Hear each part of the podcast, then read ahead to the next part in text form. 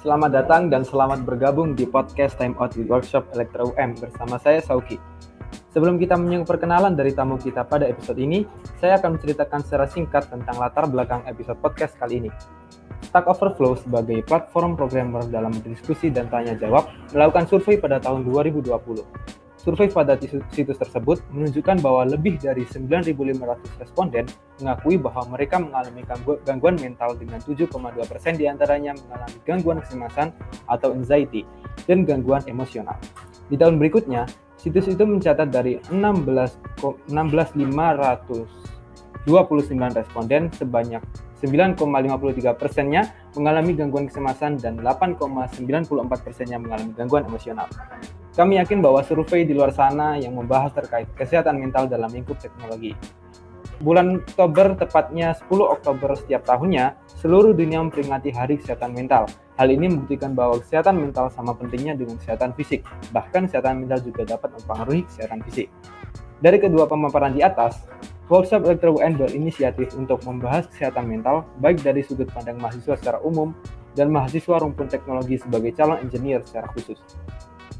Seperti yang sudah saya jelaskan tadi, di episode ini kita kedatangan tamu dari GSM Undip atau Gerakan Sehat Mental Universitas Diponegoro, yaitu Kak Beatrice. Selamat malam Kak Beatrice. Halo, selamat malam Shauki. Oke, bagaimana kabarnya Kak Beatrice? Oke, baik, baik, puji Tuhan. Shauki gimana nih kabarnya? Ya, baik juga Kak Beatrice. Nah, uh, sebelum kita ngobrol-ngobrol nih, boleh dong Kak memperkenalkan diri secara pribadi hmm. dan menceritakan apa itu GSM Undip. Oke, okay. thank you Shauki buat kesempatannya. Ya, aku perkenal diri dulu kali ya. Halo teman-teman semuanya yang mungkin lagi dengar juga nih podcastnya. Perkenalkan, aku Beatrice Loisa. Teman-teman boleh panggil aku Beatrice. Nah, di sini um, aku perwakilan dari Gerakan Sehat Mental Universitas Diponegoro atau GSM Undip. Nah, kalau teman-teman pernah dengar ya, GSM Undip itu sendiri adalah suatu program kerja dari BEM Fakultas Psikologi Undip, teman-teman, di mana uh, GSM itu bertujuan untuk memberikan apa ya awareness atau kesadaran mengenai kesehatan mental baik terkhusus di lingkungan Undip maupun di masyarakat luas. Nah kalau misalnya teman-teman kepo nih mengenai GSM Undip mungkin bisa langsung nih dicek di at GSM underscore Undip di mana kita biasanya melakukan dua online uh, dua campaign ya ada yang online campaign ada yang kreatif campaign atau postingan-postingan di Instagramnya kayak gitu Shauki. Oke, terima kasih Kak Beatrice. Uh, jadi di episode ini kita bakal sama-sama membahas seputar kesehatan mental dan spesifiknya kita bakal bahas di stres dan self esteem nih. Nah, kita sama-sama tahu bahwa stres dapat menjangkiti seluruh bidang pekerjaan, baik itu di rumput teknologi maupun tidak. Apalagi mahasiswa yang setiap hari disibukkan oleh tugas dan tuntunan belajar yang tinggi. Namun, tak banyak dari kita mengerti apa itu stres secara ilmiah. Nah, uh, dari teman-teman GSM Undip, khususnya uh, Kak Beatrice yang bergerak di bidang psikologi, uh, bisa dong dijelasin apa itu stres dalam psikologi? Oke, nah uh, berarti kita langsung ngomongin ya tentang stres sendiri. Nah benar banget nih Shauki kalau istilah stres itu emang erat banget sama mahasiswa ya, apalagi mahasiswa mungkin teman-teman dari rumpun teknologi dan mungkin dari berbagai fakultas juga merasakan eh, itu istilah stres baik itu stres akademik misalnya atau stres organisasi gitu. Nah kita ngomongin stres, stres itu apa sih? Nah kalau dalam uh, psikologi sendiri dari beberapa tokoh mungkin aku coba untuk uh, memberikan satu pengertian di mana stres itu kita bisa katakan sebagai respon segala respon yang kita berikan dari sesuatu yang bersifat mungkin kita bisa bilang bisa bersifat mengancam atau bersifat tantangan ya baik dalam diri maupun di luar diri yang di mana biasanya itu ada ibaratnya adaptasi di dalamnya gitu. Jadi memang respon kita yang kita berikan terhadap sesuatu uh, penyebab stres baik di dalam maupun dari dalam maupun dari luar diri yang biasanya bersifat mengancam atau bersifat tantangan yang di mana di dalamnya itu butuh adaptasi. Mungkin aku kasih contoh aja kali ya, Shauki biar nggak terlalu teoritik gitu. Nah contohnya misalnya uh, stres akademik gitu. Nah kalau stres akademik contoh stres nugas. Nah kenapa sih kita bisa bilang kita stres nugas? Karena ada penyebab stresnya yaitu tugas yang pengen dikumpul hamin dua misalnya. Nah, misalnya kita baru ngerjain bab satu, nah itu bisa menjadi suatu ketidakseimbangan yang menjadi sinyal bahwa kita perlu ada adaptasi nih. Adaptasi dalam bentuk apa? Ya adaptasi akhirnya kita perlu untuk mengerjakan tugas-tugas itu. Seperti itu kurang lebihnya. Oh, oke okay, oke okay, oke. Okay. Uh, kita kan udah tahu nih apa definisi stresnya juga udah dikasih uh, tahu contohnya kan. Nah, uh, terus stres itu kan jelas uh, di disebabkan oleh sebuah hal. Nah, bisa dong Kak Beatrice dijelasin hal-hal apa aja yang dapat uh, menyebabkan stres dan apa aja gejalanya? Oke, berarti sekarang kita ngomongin nih apa sih yang menyebabkan stres itu gitu ya. Nah, mungkin uh, aku disclaimer dulu kali ya teman-teman. Kalau stres itu adalah hal yang wajar ya. Kenapa aku bilang wajar? Karena kita itu hidup dengan berbagai tantangan atau kita hidup itu dengan berbagai tanggung jawab yang kita pikul, misalnya dalam keluarga, dalam organisasi, dalam uh, pendidikan gitu ya. Jadi tentu ada stres-stres yang mungkin kita alami gitu. Nah, kita pengen tahu nih apa sih penyebab stres. Jadi seperti tadi aku bilang, penyebabnya itu bisa dari dalam maupun di luar dari luar diri. Kalau dari dalam, mungkin teman-teman pernah ya ngerasain overthinking gitu malam-malam. Nah, itu mungkin bisa menjadi salah satu sumber stres yang dari dalam diri kita. Atau uh, teman-teman yang mungkin pernah kalau dari luar ya, misalnya uh, sedang mengalami kondisi-kondisi yang kurang baik, misalnya prokernya tidak berjalan dengan baik, itu bisa menjadi sumber stres kita. Atau kita lagi menjalin hubungan sama orang, tapi orang itu lagi kurang baik hubungannya sama kita itu juga bisa nih menjadi sumber stres kita. Jadi uh, segala sesuatu yang menjadi sumber penyebab stres seseorang uh, bisa dari benda, bisa dari kegiatan, bisa dari orang lain atau dalam diri kita sendiri itu bisa jadi penyebab stres. Nah, kalau gejala, kita ngomongin gejala, itu kembali lagi kepada satu hal satu uh, salah satu hal yaitu kita bisa tahu itu gejala ketika kita memang merasa ada penyebab stresnya dulu nih. Kita tahu ada penyebab stres oh penyebab stres aku tuh gara-gara uh, pengen ujian minggu depan atau uh, coding aku belum selesai dan itu kan berarti bentuk uh, penyebab stresnya kita udah tahu jadi itu udah udah menjadi sign atau tanda bahwa itu adalah gejala stres. Tapi biasanya ditambah juga nih dalam beberapa situasi kita mungkin pernah ya dalam kondisi-kondisi di mana uh, saat kita merasakan stres itu perasaan kita seperti jantungnya deg-degan atau mungkin ada sedikit cemas-cemas, takut-takut. Nah, itu adalah salah satu gejala-gejala dari stres yang mungkin kita rasakan atau kita alami kayak gitu. Oh, oke okay, oke. Okay uh, contoh nih, kalau kami kan di rumpun IT biasanya stres kalau menghadapi codingan error atau ketika stuck sama codingan yang kita kerjakan. Kalau Kak Betri sendiri sebagai mahasiswa psikologi biasanya stres karena apa nih? Oke, wah menarik nih pertanyaannya mengenai uh, stres yang pernah dialami ya. Um, mungkin aku pengen menanggapi juga nih sharing dari Shoki ya mengenai ternyata teman-teman dari rumpun IT juga ya mengalami stres bentuknya itu pengkodingan yang mungkin error atau pengkodingan yang uh, stuck gitu ya. Nah, um, menurut aku stres itu juga dialami oleh berbagai mahasiswa dari setiap fakultas ya nggak nggak uh, termasuk juga nih psikologi gitu. Kalau psikologi sendiri um, mungkin kalau aku pribadi gitu ya aku lebih kepada mensiasati di semester 5 ini sih. Di mana uh, mungkin teman-teman semester 5 juga banyak yang relate ya yang dengerin di mana mungkin banyak tuntutan banyak uh, tugas-tugas yang menuntut kita buat praktek dan mungkin kita juga punya nih kegiatan di luar uh, organisasi yang bikin kita harus uh, punya kemampuan untuk memanajemen waktu. Jadi terkadang itu jadi suatu stres tersendiri mungkin buat aku dan mungkin teman-teman yang dengar dan jadi suatu tantangan ya untuk kita bisa nih untuk melewati masa-masa uh, perkuliahan ini. Kayak gitu, Shalki. Hmm, menarik, menarik, menarik ya ternyata iya. nggak iya. cuma di rumpun IT aja ya di semuanya juga ada yang namanya stres kan oke oke yes. uh, kemudian setelah kita paham bagaimana stres itu muncul disebabkan oleh hal yang udah disebutin sama Kak Betis tadi gejala juga yang uh, menandakan kalau dia stres atau apa mm-hmm. gitu nah uh, tentu kita juga pengen tahu dong pastinya gimana cara mengatasi stresnya nah bisa mm-hmm. dong Kak Betis sharing-sharing lagi caranya Oke, oke. Um, mungkin sebelum aku uh, sharing-sharing dulu nih, aku mungkin mau nanya Shoki kali ya sekalian. Shoki kalau misalnya lagi stres tugas gitu, Shoki ngapain kira-kira? Ya, kalau aku waktu stres, healing, pasti healing. Udah laptop tutup, kita hmm. jalan ke mana, hangout, ngopi, oh, ke mana. Oke oke, seru ya. Oke oke. Nah, ini mungkin relate banget nih sama tadi jawabannya Shauki, di mana Shauki kalau lagi kondisinya stres atau kondisinya suntuk, tutup laptop, jalan-jalan dulu deh, nongkrong dulu deh gitu ya.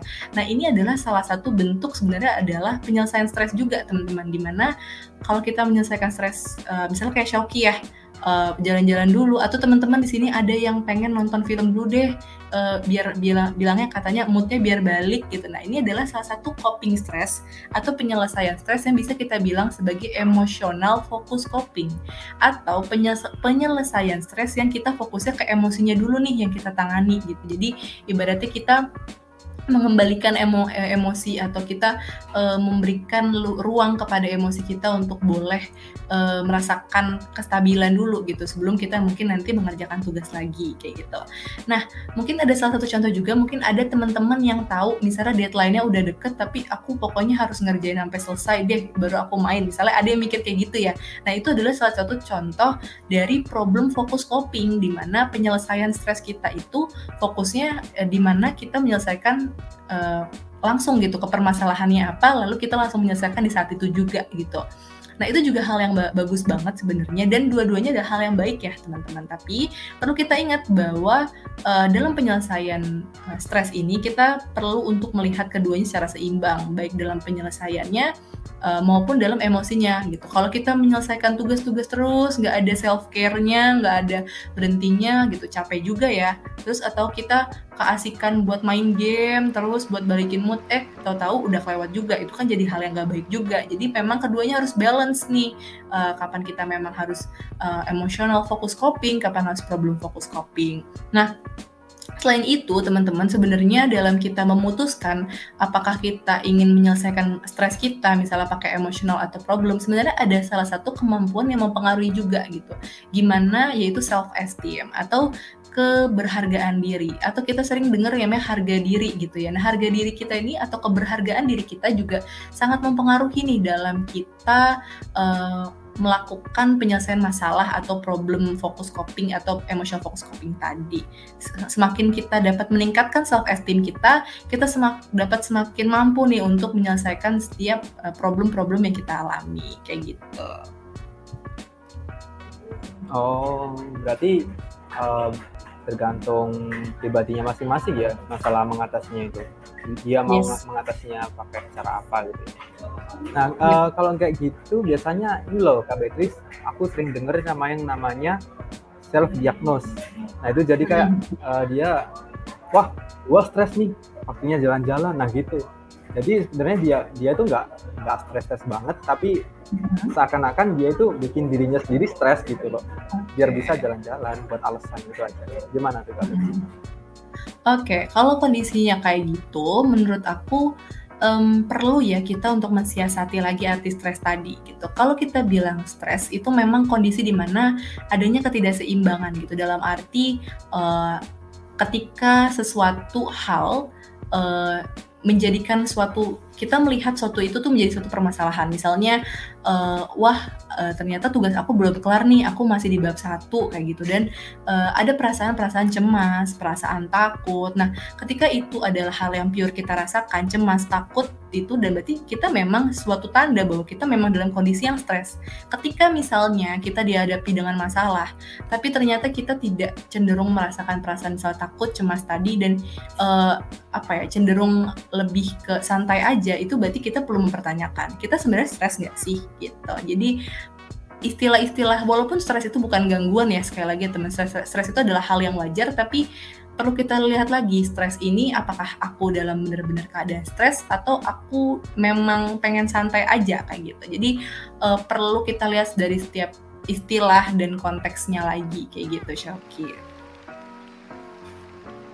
Nah tuh. Udah dijelasin sama Kak Beatrice jadi uh, kita nggak bisa seenak-enaknya ngomong kita stres biar bisa jalan-jalan gitu kan ya biar bisa senang biar bisa santai-santai oke okay, uh, tadi disebutin waktu mengatasi stresnya ada yang namanya self esteem nih kak Yes. Kembali ke pertanyaan pertama, mungkin banyak dari kita yang belum mengetahui apa itu self esteemnya secara ilmiah. Nah, sebagai mahasiswa psikologi, bisa dong Kak Betri jelasin apa itu self esteem? Oke, nah Ngomongin tentang self esteem ya, teman-teman. Kalau tadi aku bilang tuh kita sering dengar itu istilahnya penghargaan diri ya, harga diri kita. Jadi eh, self esteem atau harga diri atau penghargaan diri itu kita bisa bilang sebagai evaluasi yang kita berikan kepada diri kita, penilaian yang kita berikan kepada diri kita. Apakah kita cenderung menilai diri kita tuh sebagai eh, penilaian yang baik atau penilaian yang buruk? Biasanya kita lebih melihat apakah kita menyukai atau kurang menyukai diri kita. Uh, misalnya uh, ketika kita menyukai diri kita, biasanya ditandai dengan kita yang menganggap diri kita itu adalah individu yang berkembang ketika kita mengalami suatu kegagalan, kita cenderung untuk melihat bahwa oke, okay, aku nggak apa-apa kok misalnya kayak gitu. Uh, aku masih bisa berkembang, aku hal yang wajar. Berarti kita adalah melihat self esteem kita adalah yang baik. Ketika kita melihat self esteem kita cenderung buruk, biasanya kita melihat segala hal dalam diri kita tuh adalah buruk. Misalnya aku kurang, aku belum bisa, aku nggak bisa. Nah itu adalah kita menilai kemampuan kita itu kemampuan yang uh, cenderung uh, belum capable ya, belum mumpuni kayak gitu. Itu adalah ciri-ciri dari kita yang punya penilaian diri yang kurang baik kayak gitu. Self esteem yang kurang baik seperti itu. Hmm, berarti bisa dibilang self esteem itu kayak uh, cara kita menilai diri kita sendiri ya. Yes, okay. benar banget Shoki. Uh, menurut uh, informasi yang udah kami kumpulin, ada hmm. empat aspek uh, dalam self esteem menurut Coppersmith yaitu ada power, significance, virtue, dan competence. Nah, uh, kalau dari keempat aspek ini, menurut Kak Beatrice, aspek mana aja yang relate banget dengan kehidupan mahasiswa saat ini? Oke. Okay. Silakan Kak Beatrice. Oke oke, Shauki, thank you. Nah, kita berarti ngomongin semakin dalam nih tentang self esteem gitu ya, keberhargaan diri kayak gitu. Wah, topiknya menarik banget. Nah, kalau kita ngomongin tentang keberhargaan diri, itu benar banget ya Shauki, ada empat aspek. Tapi kita mungkin itu dulu kali ya, aspek di sini maksudnya apa sih? Empat aspek ini adalah empat hal yang bisa mempengaruhi self esteem kita. Jadi, penilaian baik buruk kita ini bisa dipengaruhi oleh empat hal ini, teman-teman. Pertama, yaitu ada power. Power itu adalah kekuatan. Pernah nggak sih teman-teman merasa gitu ya, ketika kita bisa menyelesaikan suatu tugas atau ketika kita bisa uh, memenangi misalnya suatu perlombaan, ada perasaan kebanggaan tersendiri sama diri kita. Kayak merasa kayak wah ternyata aku bisa ya, wah aku punya power ya untuk bisa menyelesaikan tugas-tugas ini gitu.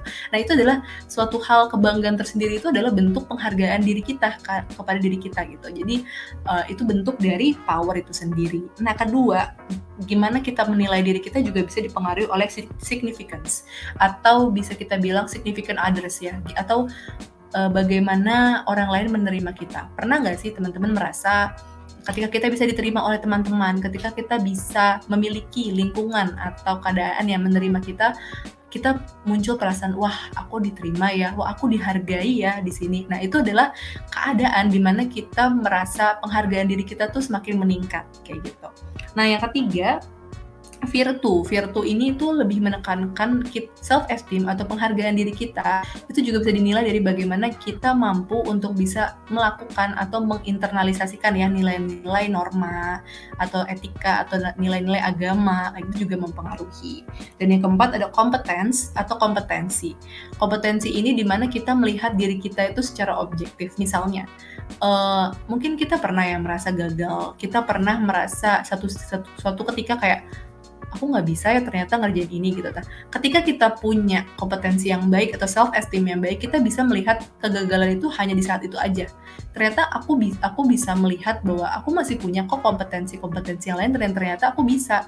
Uh, mungkin aku uh, cukup uh, aku punya kegagalan di bidang A. Tapi ternyata kalau dipikir-pikir aku punya uh, pencapaian di hal-hal yang lain ya gitu. Jadi dia bisa melihat diri dia secara objektif dan dia bisa melihat kegagalan itu sebagai hal di mana dia bisa berkembang kayak gitu. Nah kalau ditanya yang mana sih yang berkaitan dengan ma uh, mahasiswa? Menurut aku kalau kita sebagai manusia empat hal ini adalah hal yang biasa atau hal yang sangat mempengaruhi kita sebagai uh, dalam meningkatkan penghargaan diri kita. Tapi kalau dalam mahasiswa mungkin uh, menurut aku ya yang bisa mempengaruhi itu mungkin di significance dan competence. Kenapa significance? Ketika ketika kita punya lingkungan, ketika kita punya lingkungan yang bisa menerima kita, itu akan sangat mempengaruhi uh, penghargaan diri kita. Tapi bukan berarti kita nggak bisa mengembangkan juga ya. Jadi kita nerima-nerima aja deh lingkungan kita kayak gimana ya.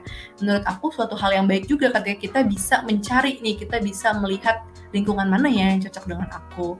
Ketika memang lingkungan itu sekiranya ada hal-hal yang tidak cocok, di mana ya aku bisa menemukan yang baru. Misalnya teman-teman punya hobi apa nih? Punya hobi apa dan cari komunitas yang mungkin bisa menampung hobi teman-teman itu. Misalnya seperti itu. Terus juga terkait kompetens. Kita sering banget ya melihat kalau kompetensi kita ketika kita gagal sesuatu, aduh aku pokoknya gagal banget deh, pokoknya aku jelek banget deh gitu. Padahal kita cuma gagal tuh di bagian A aja gitu. Kita uh, terkadang langsung ter tertutupi gitu ya pikiran kita akan pencapaian-pencapaian pernah kita alami gitu ya. Inilah ketika kompetensi ini harapannya kita bisa lebih objektif ya ketika kita menghadapi kegagalan kita bisa lihat kalau oke okay, aku mungkin uh, gagal dalam satu hal, aku mungkin kurang dalam satu hal tapi aku mampu aku mampu di berbagai hal yang lain dan aku juga pasti akan mampu untuk belajar dari uh, hal-hal yang mungkin aku kurang ini bisa banget untuk bisa aku kembangkan kayak gitu Shoki. Oh, oke okay, oke. Okay. Uh, eh, terus ada nggak uh, cara dia buat meningkatkan aspek-aspek itu secara khusus, khususnya di significance sama kompetensi? Kan ini yang relate sama mahasiswa kan ya? Ada nggak iya, cara iya. untuk meningkatkan aspek-aspek?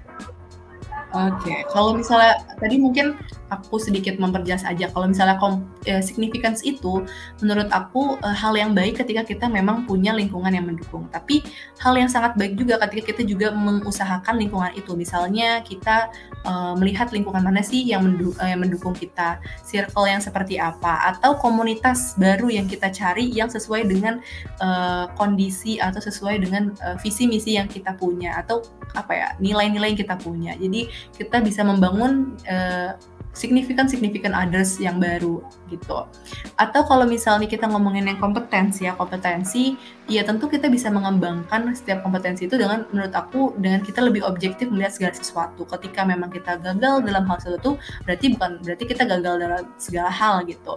Kita bisa lebih objektif untuk melihat bahwa um, kita masih punya pengalaman-pengalaman, kita masih punya hal-hal yang bisa kita lihat bahwa kita adalah individu yang berharga gitu. Bukan berarti kita kegagalan berarti kita langsung nggak berharga, tapi kita bisa lihat kalau banyak sekali hal-hal yang bisa kita sebagai keberhargaan diri kita kan gitu.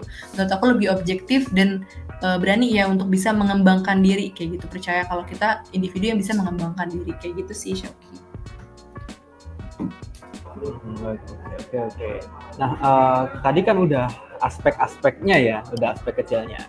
Mungkin hmm. ada gak Kak Beatrice cara untuk meningkatkan self esteemnya itu sendiri secara umum?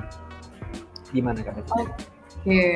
kalau misalnya kita ngomongin self esteem secara umum ya, penilaian kita, uh, bagaimana kita mengevaluasi diri kita, menurut aku itu adalah suatu proses, suatu proses uh, kita menilai diri kita secara uh, apa ya ibaratnya untuk lebih uh, meningkatkan self esteem itu adalah proses di mana kalau misalnya kita dalam kondisi yang self esteemnya rendah, kita cenderung melihat diri kita serba kurang, tentu harus ada step by step yang kita lakukan. Misalnya kita perlu apakah dari dalam diri kita yang kita melakukan self uh, misalnya reflection atau kita merefleksikan diri, apakah memang aku uh, apakah uh, tidak ada misalnya kayak kita memikirkan hal-hal lain yang ternyata kita masih bisa kok kita masih hal-hal banyak yang kita bisa kembangkan.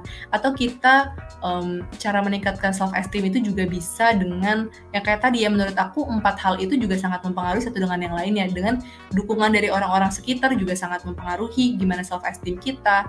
Terus juga bagaimana kita berobjektif tadi berfik uh, objektif dalam melihat sesuatu. Um, dalam self esteem Uh, jadi menurut aku dari luar juga mempengaruhi dan kita juga yang punya kontrol ya dalam diri kita gitu. Mungkin kondisi atau orang lain atau kondisi di luar kita tuh nggak bisa kita kontrol. Tapi ketika apa yang bisa kita pikirkan apa yang bisa kita rasakan dan apa yang bisa kita lakukan itu adalah hal-hal yang uh, bagian yang bisa kita kontrol. Kayak gitu sih. Hmm, oke oke oke, paham paham paham. Nah, uh, saya agak penasaran sama uh, struggle anak psikologi, terutama dari Kak Beatrice sendiri. Mm -hmm. Apakah Kak Beatrice pernah merasakan insecure dengan pencapaian teman-teman jurusan kakak? Kan soalnya kalau di kebun IT nih, semua orang bisa belajar apa pun, kapan pun, tanpa mengenal batasan waktu. Karena uh, eh, IT kan kayak ilmunya itu ilmu teknis gitu loh. Jadi nggak jarang kita yang udah lama banget belajar, yang udah belajar sejak SMP ataupun SMA itu kalah kalah jago sama yang baru belajar di kuliah gitu loh kak. Kalau menurut hmm. uh, kak Beatrice yang anak psikologi gimana nih? Pernah nggak? Oke okay, oke. Okay. Oke, okay, uh, eh, Shoki, thank you. Pertanyaannya menarik ya mengenai insecure. Insecure itu adalah perasaan ketidakaman. Ketidakaman di sini konteksnya karena pencapaian teman-teman gitu ya. Kalau uh, dan dan thank you banget juga Shoki udah sharing juga kondisi di teman-teman di rumpun IT juga yang mungkin uh, pernah ya merasakan juga adanya ada perasaan mengarah ke insecure atas mungkin uh, pencapaian atau hal-hal yang dilakukan oleh orang lain. Dan menurut aku di berbagai fakultas juga tentu merasakan ya termasuk juga mungkin di psikologi juga kayak gitu. Um, secara garis besar mungkin kita pernah melihat misalnya teman kita yang punya pencapaian mungkin lebih lebih kita melihatnya lebih baik daripada kita gitu. Ketika kita melihat pencapaian itu sebenarnya melihat pencapaian orang lain itu adalah hal yang wajar. Aku bisa katakan seperti tapi bagaimana kita mempersepsinya atau bagaimana kita mengartikannya. Ketika uh, mengerti kita mengartikan uh, membandingkan diri itu menjadikan self esteem kita rendah, membandingkan diri itu menjadikan kita uh, melihat diri kita menjadi serba kurang, itu yang perlu diwaspadai menurut aku. Kenapa? Karena itu yang cenderung membuat kita akhirnya semakin melihat diri kita jadi nggak berharga. Dan kalau kita biarin terus menerus, ini juga nggak akan membuat kita jadi produktif gitu. Jadi kita cenderung untuk uh, menutup diri kayak gitu. Jadi uh, untuk menghindari hal itu, jadi kita perlu melihat lagi nih, kira-kira uh, kalau kita membandingkan diri, kita mau bandingin diri diri itu buat apa ya? Oh aku mau bandingin diri itu untuk memotivasi diri aku. Karena mungkin teman aku udah sampai situ mungkin aku tanya deh ya kira-kira gimana sih cara dia untuk bisa sampai di situ? Uh, perasaan kita makan nasi sama deh perasaan kita belajar sama deh. Kenapa ya dia uh, gimana ya cara dia bisa seperti itu? Oh ternyata pas aku tanya uh, dia itu ikut kursus sesuatu. Oh dia itu belajar dari ini ini ini ada sumber ter terkhusus dan dia ternyata bisa ngasih itu kayak gitu jadi uh, sebenarnya dari hal-hal seperti itu yang mungkin ya aku pelajari dari diri aku juga dan aku nggak bisa memungkiri aku juga pernah berada di posisi seperti itu. Tapi kembali lagi proses pembelajaran juga sih yang aku alami gitu bagaimana kita mencoba untuk semakin objektif untuk melihat segala sesuatu. Dan bener banget kadang ya Shoki kita melihat kayak kita udah belajar dari lama mungkin kadang orang yang baru belajar bentar tuh udah bisa kayak gitu dan itu uh, apa ya aku melihatnya tuh sebagai apa individual differences ya perbedaan individu ya di mana mungkin setiap manusia itu memang diciptakan dengan kelebihan sama kekurangannya masing-masing. Nah, tapi berarti PR kita apa nih? Berarti PR kita adalah memahami apa sih yang menjadi kelebihan kita dan apa sih yang menjadi kekurangan kita. Ketika kita tahu kelebihan kita di situ ya kita kembangkan dan kita tahu kelebihan kita, kekurangan kita di situ ya kita kita ketika kita kita tahu ke, kekurangan kita di situ ya kita kembangkan gitu. Nah, um, dan ketika kita membandingkan diri sama orang lain gitu ya, hal awalnya aku tuh merasa itu hal yang kayaknya nggak apa-apa deh gitu membandingkan. Tapi lama kelamaan ketika itu udah mempengaruhi diri aku misalnya atau mempengaruhi diri kita uh, jadi self esteem kita jadi kurang, nah itu yang perlu diwaspadai. Dan perlu di, menjadi catatan juga ya ketika kita menjadi kurang baik ketika kita membandingkan uh, proses kita dengan orang lain dan itu menjadi uh, self esteem kita rendah. Di mana uh, start kita aja udah beda gitu ya. Di mana mungkin uh, dia belajar udah dari lama misalnya atau kita kita bela baru belajar dari sekarang. Jadi kalau kita membandingkan diri kita dengan mereka itu menjadi hal yang uh, apa ya kurang tepat ya. Apalagi juga misalnya uh, apa ya kita punya kita dianugerahkan dengan hal-hal yang berbeda. Misal intelijensi yang berbeda atau misalnya kita dianugerahkan dengan lingkungan atau segala macam yang berbeda. Jadi uh, tentu proses yang kita alami dan proses yang orang itu alami juga akan berbeda. Struggle-nya juga akan berbeda. Jadi menurut aku yang lebih baik bisa kita lakukan dan ini juga yang hal yang aku dapatkan juga uh, yang mungkin aku bisa sharingin ketika uh, ketika membandingkan diri ke orang lain itu udah mempengaruhi diri kita, coba kita uh, mengalihkan fokus kita, kita bandingin diri kita sama diri kita balik lagi ke diri kita sendiri. Dari seminggu yang lalu, apakah aku udah banyak perubahan kayak sekarang? Dari yang tahun lalu sama tahun sekarang, apa sih pencapaian yang udah bisa aku lakukan? Sejauh mana sih aku udah bisa berkembang? Nah, itu menurut aku bisa lebih realistis ya. Kita bisa lebih realistis untuk melihat uh, pengembangan yang terjadi dalam diri kita. Kayak gitu, Shauki. Oke oke oke.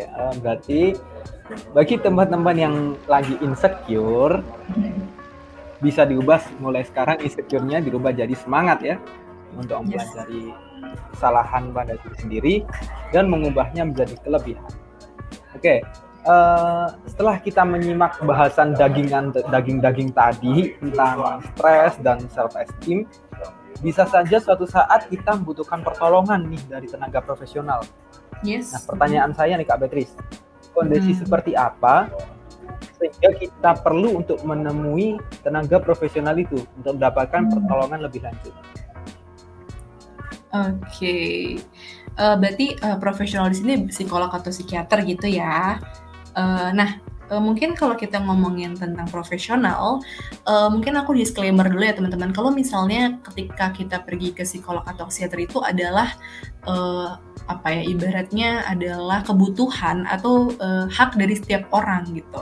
Jadi kalau misalnya dalam kehidupan sehari-hari yang mungkin bisa menjadi tanda kita perlu, uh, pertama mungkin ini ya aku bisa katakan segala hal yang bersifatnya berlebihan atau sudah e, berlebihan itu adalah hal yang kurang baik. Misalnya mungkin kita mengalami stres, stres itu wajar, cemas, cemas itu wajar. Tapi ketika stres dan cemas itu misalnya sudah bertahan dua bulan atau misalnya dua minggu sampai satu bulan atau sampai tiga bulan belum selesai, nah itu adalah suatu tanda ya atau sign bahwa kita kayak perlu deh untuk meminta bantuan dari teman uh, dari tenaga profesional. Dan yang kedua mungkin aku bagi tips juga atau bagi apa ya beberapa sign juga uh, kenapa pas kapan sih kita harus ke psikolog atau psikiater?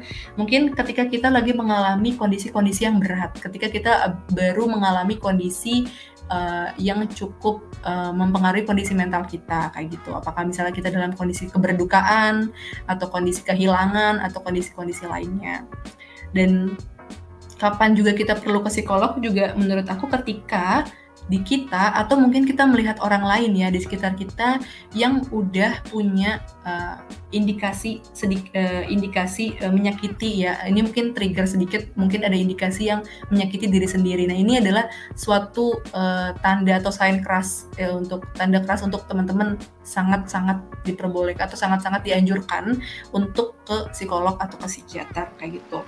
Dan sebenarnya ke psikolog itu juga nggak hanya mengenai adanya gangguan psikologis ya teman-teman. Ketika teman-teman pengen curhat-curhat aja, itu juga nggak apa-apa banget gitu.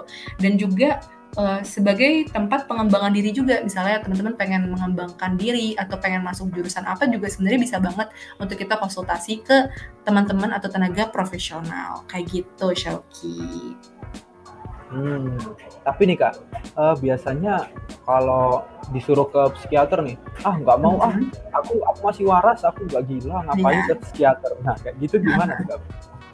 Oke okay, oke. Okay. Nah sebenarnya eh, stigma-stigma seperti itu ya yang kita nggak bisa pungkiri memang masih ada nih di sekitar kita. Nah menurut aku inilah pentingnya ya eh, edukasi atau misalnya kita memberikan uh, pemahaman misalnya lewat podcast ini kalau misalnya ke psikolog itu sebenarnya suatu hal yang pilihannya tepat loh untuk kita bisa mengembangkan diri, untuk kita bisa sekedar curhat kayak gitu. Misalnya teman-teman merasa uh, curhat ke temen kok uh, ngerasa kurang ya atau curhat ke orang-orang sekitar kok kurang ya. Nah, bisa aja kita curhat ke uh, tenaga profesional kayak gitu. Jadi curhat ke tenaga profesional juga sebenarnya nggak harus yang langsung berat-berat kayak gitu. Ternyata dengan kita bisa uh, terbuka, kita bisa punya tempat yang safe, kita bisa punya tempat yang uh, benar-benar bisa menerima kita kayak gitu. Menurut aku uh, ini sih perlunya memang kita uh, ketika kita udah tahu kalau si psikolog atau psikiater itu adalah suatu hal yang wajar, suatu hal kebutuhan dari setiap orang. Nah inilah langkah baiknya kita bisa bagikan nih ke teman-teman kita yang mungkin masih memiliki stigma-stigma seperti itu kayak gitu. Oke, berarti nah, udah dibilangin Kak Beatrice, Jadi kita kalau mau ke psikiater jangan nunggu gila dulu baru ke psikiater ya kan? Yes, kalau mumpung masih waras segera ke psikiater. Yeah. Nah, setelah kita sama-sama menyimak pembahasan dari Kak Beatrice selaku perwakilan dari GSM Undip tentang apa itu stres, bagaimana cara mengatasinya, kemudian kita juga sama-sama belajar apa itu self esteem dan bagaimana cara meningkatkan self esteem itu sendiri. Sebelum saya tutup dari Kak Beatrice, ada pesan nggak yang mau disampaikan kepada teman-teman pendengar, khususnya teman-teman mahasiswa dari rumpun IT? Oke, wah udah sampai di akhir aja ya Oke, uh, kalau misalnya dari aku, mungkin untuk teman-teman yang mendengarkan atau teman-teman yang dalam kondisi tertentu ya, dalam kondisi apa pun, mungkin aku uh, mengingat apa ya, reminder aja kali ya, kalau mungkin kita sebagai mahasiswa itu dihadapkan dengan berbagai tantangan atau dihadapkan dengan berbagai permasalahan hidup. Tapi kita perlu ingat nih teman-teman kalau kita ini dilahirkan sebagai individu yang unik, yaitu individu yang bisa melewati setiap tantangan dan kita juga bisa kok mencapai setiap mimpi kita dengan waktu dan cara kita masing-masing. Oke, okay. mungkin dari Kak Beatrice mau mempromosikan kegiatan GSM Undip, mungkin bagaimana juga cara untuk menghubungi GSM Undip kalau mau ngajak uh, kerjasama gitu kak. Oh oke okay, oke okay. ya uh, ya aku juga mungkin uh, apa ya perwakilan dari GSM Undip juga ya aku mau mengucapkan nih terima kasih buat teman-teman dari UM Elektro yang udah mengajak uh, GSM untuk boleh bekerja sama buat sharing-sharing di sini gitu. Nah untuk teman-teman yang mungkin uh, ingin bekerja sama dengan teman-teman GSM Undip atau ingin kepo-kepo nih lanjut tentang GSM Undip boleh banget ya dicek di Instagramnya di GSM underscore Undip. Dari situ juga udah ada nih alur administrasi kalau teman-teman pengen melakukan kerjasama kayak gitu. Oke, terima kasih atas kesediaan Kak Beatrice dalam acara podcast kita kali ini. Pesan dari saya selaku pembawa acara pada podcast episode ini, ketika kode kita error, ingatlah yang error itu cuma program kita, bukan kita sebagai manusianya. Oke, terima kasih atas partisipasinya para pendengar dan juga Kak Beatrice yang udah menyempatkan hadir di episode podcast kali ini. Sampai jumpa di episode selanjutnya dan bye-bye. Bye.